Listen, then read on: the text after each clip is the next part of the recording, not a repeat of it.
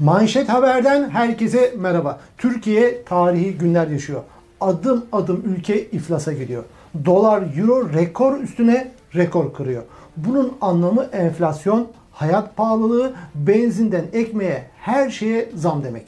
Merkez Bankası faiz kararını açıkladı. Faizi %14'e çekti. Faiz indiriminin ardından dolar yine yükselişe geçti.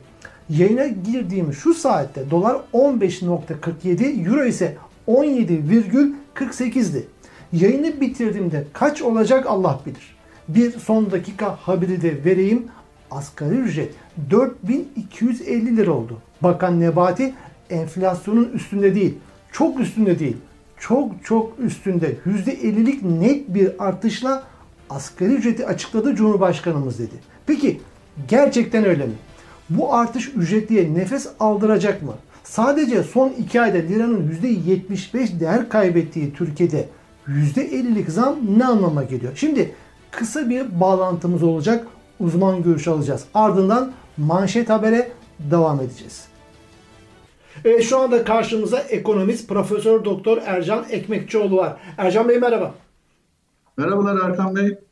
Ee, Ercan Bey size iki küçük sorum olacak bu programda. Asgari ücret açıklandı. 4250 lira oldu. %50'lik bir artış söz konusu. Bu ücretli için bir nefes alma imkanı verecek mi? Ne anlama geliyor? Bu ilk sorum olsun. Evet Erkan Bey aslında bu ücret artışı, asgari ücret artışı e, ilan edildiği gün itibariyle yok hükmündedir. Bunu net söyleyebiliriz. Neden? E, artış %50 evet inanılmaz bir artış söz konusu oldu beklentilerin üzerinde. Fakat bunu biz e, reel kur üzerinden baktığımızda, ele aldığımızda karşımıza gerçek görüntü çıkıyor. Mukayese ettiğimizde zaten anlaşılacaktır. Bunun e, genel görüntüsüne baktığımızda asgari ücret yapısının işverene toplam maliyetinin 5880 lira, brüt asgari ücretinin 5004 lira, net asgari ücret tutarının da 2200, 4253 lira 40 kuruş olduğunu görüyoruz. Cari kur dediğimiz bugünkü kur üzerinden baktığımızda bu tutarın 245 euro ile 275 dolara tekabül ettiğini görebiliriz. Net bir şekilde bu. Reel ücretin karşılığı bu. E, kur bazında. Bugünkü e, 2825 liralık or, e, kuru al, şeyi aldığımızda, asgari ücreti aldığımızda ise ortalama kur bazında gittiğimizde bugün itibariyle yılın 350. günündeyiz. Ortalama kur 8.67'den bunun dolar karşılığının 325 dolar, euro karşılığının da 275 euro olduğunu görüyoruz. 200, e, 2825 Türk lirasında. Artışa göre bunu mukayese ettiğimizde 50 dolarlık bir e, reel kurdan reel ücret düşmesinin 30 euroluk da bir e, şeyden euro bazında e, kur, reel ücret kaybının olduğunu net bir şekilde görebiliriz. Dolayısıyla bu anlamda ciddi bir e, asgari ücretliye e, gelir etkisinin oluşacağını söyleyemeyiz diyebiliriz bu anlamda. Ki onun için de zaten Cumhurbaşkanı bunu baştan öncelemek, e, e, kesmek adına da ne yapmış oldu? E, bunu hemen dolarla, euro ile kıyas edecekler çıkacaktır. Bizim Türk lirasımız, e, Türk liramız var. Türk lirasıyla kazanıyoruz. Türk lirasıyla hesap yaparız söylemiyle bunu karşılamış yani O zaman dolar ve euro bazında e, ücretlerde ücretlerinde gerileme söz konusu, ilerleme aynen, söz konusu aynen. değil. Peki e, bu kadar da işi var. E, şunu, şunu da göz ardı etmemek lazım. Eğer ki her çeyrekte bir bunu ele alacağız, tekrar revize edeceğiz denseydi bu o yok hükmünde dediğimiz noktadan uzaklaşabilirdi. Ama böyle bir şey yok. Koskoca bir yıl boyunca söz konusu olacak ücret bu. 200 dolarların ve 200 euroların altına düşecek bir asgari ücretten bahsedebiliriz gelecekte. Peki Yakın Sayın gelecek. Ekmekçioğlu bir küçük sorum daha. Peki dolar euro aldı gidiyor. Rekor üzerine rekor diyor. Bu işin sonu nereye varacak böyle? Evet. Neler oluyor Türkiye ekonomisinde kimse öngöremiyor. Kimse bilmiyor bunu. Ee, Avrupa'da yakın çevremde baktığımda konuşulan şey şu. Anlaşılmaz e, ne olduğu belirsiz bir Türk merkantilizmi dediğimiz bir e, durum söz konusu diyorlar. Öyle ki Türk lirasının inanılmaz derecede değer düşmesi ki bu bir ayın içerisinde ne oldu? 150 lira yakın bir düşüşten bahsediyoruz. Değer kaybından bahsediyoruz. E, nedir bu peki? İnsanlar şuna bakıyorlar, menkul kıymetler borsasına bakıyorlar. Borsa İstanbul'a oradaki yükselmeyi ekonomik bir gelişme olarak değerlendiriyorlar. Alakası yok. Türk lirasının değer kaybı ister istemez Türk şirketlerinin varlıklarını inanılmaz ucuzlatıyor. Bakın Boehringer Ingelheim Alman ilaç firmalarından bir tanesi 17 milyar, milyon dolarlık bir 17 e, milyon avroluk bir yatırım düşünüyorken bu kur değişmesinden dolayı şu an aynı yatırımını 9 milyon dolar euroya yapabiliyor noktaya geldi.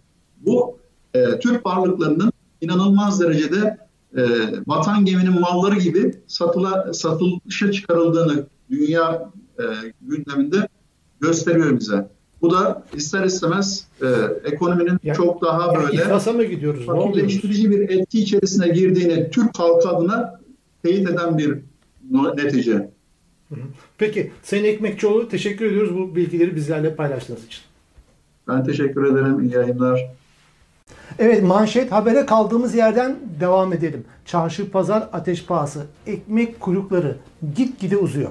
Ama iktidara göre ekonomi tıkırında hatta şaha kalkmış durumda. Varsa da 3-5 kuruş fiyatlarda artış o da iç ve dış güçlerin marifeti. AKP milletvekili İbrahim Aydemir bugün yaptığı açıklamada dedi ki ekonomik sıkıntılar olabilir ama bu bizimle ilgili değil. Herkes söylüyor bunu.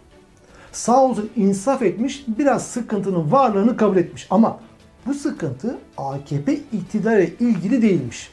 Herkes de bunu söylüyormuş. Kim söylüyorsa artık. AKP Konya Milletvekili Gülel Samancı da bütçe görüşmelerinde bakın ne dedi. Milletimizi bölemeyeceksiniz. Bayrağımızı indiremeyeceksiniz. Vatanımızı parçalayamayacaksınız. Devletimizi yıkamayacaksınız. Ezanlarımızı susturamayacaksınız. Ne zaman başları sıkırsa ya da bir pislikleri ortaya çıksa hep aynı nakarat.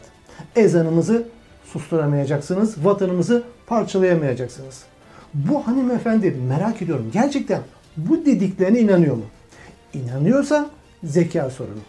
İnanmadan söylüyorsa karakter sorunu var demektir. Ama her halükarda bir sorunu var ve her halükarda tuzu kuru olduğu belli.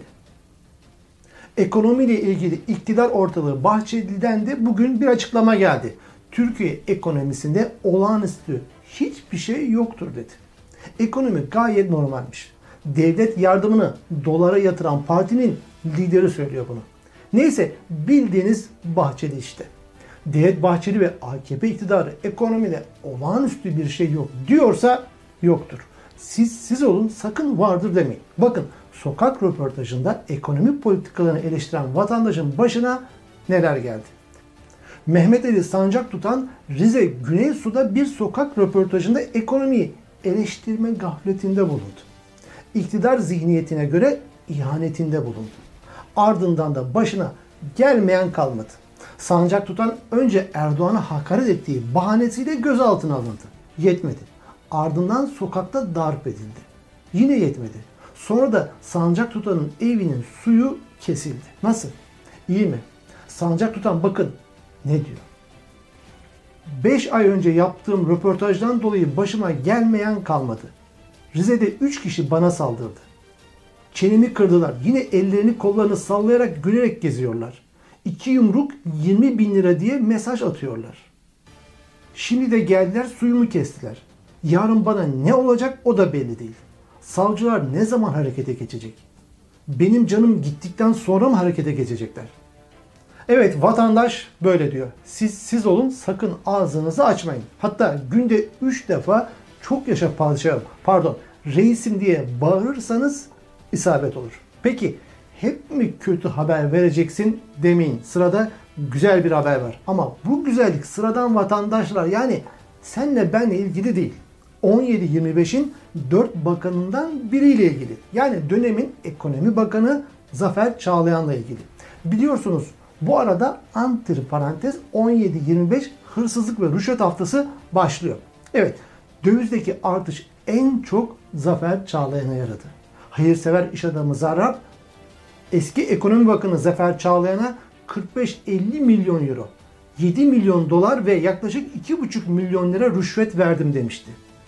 İtiraf etmişti.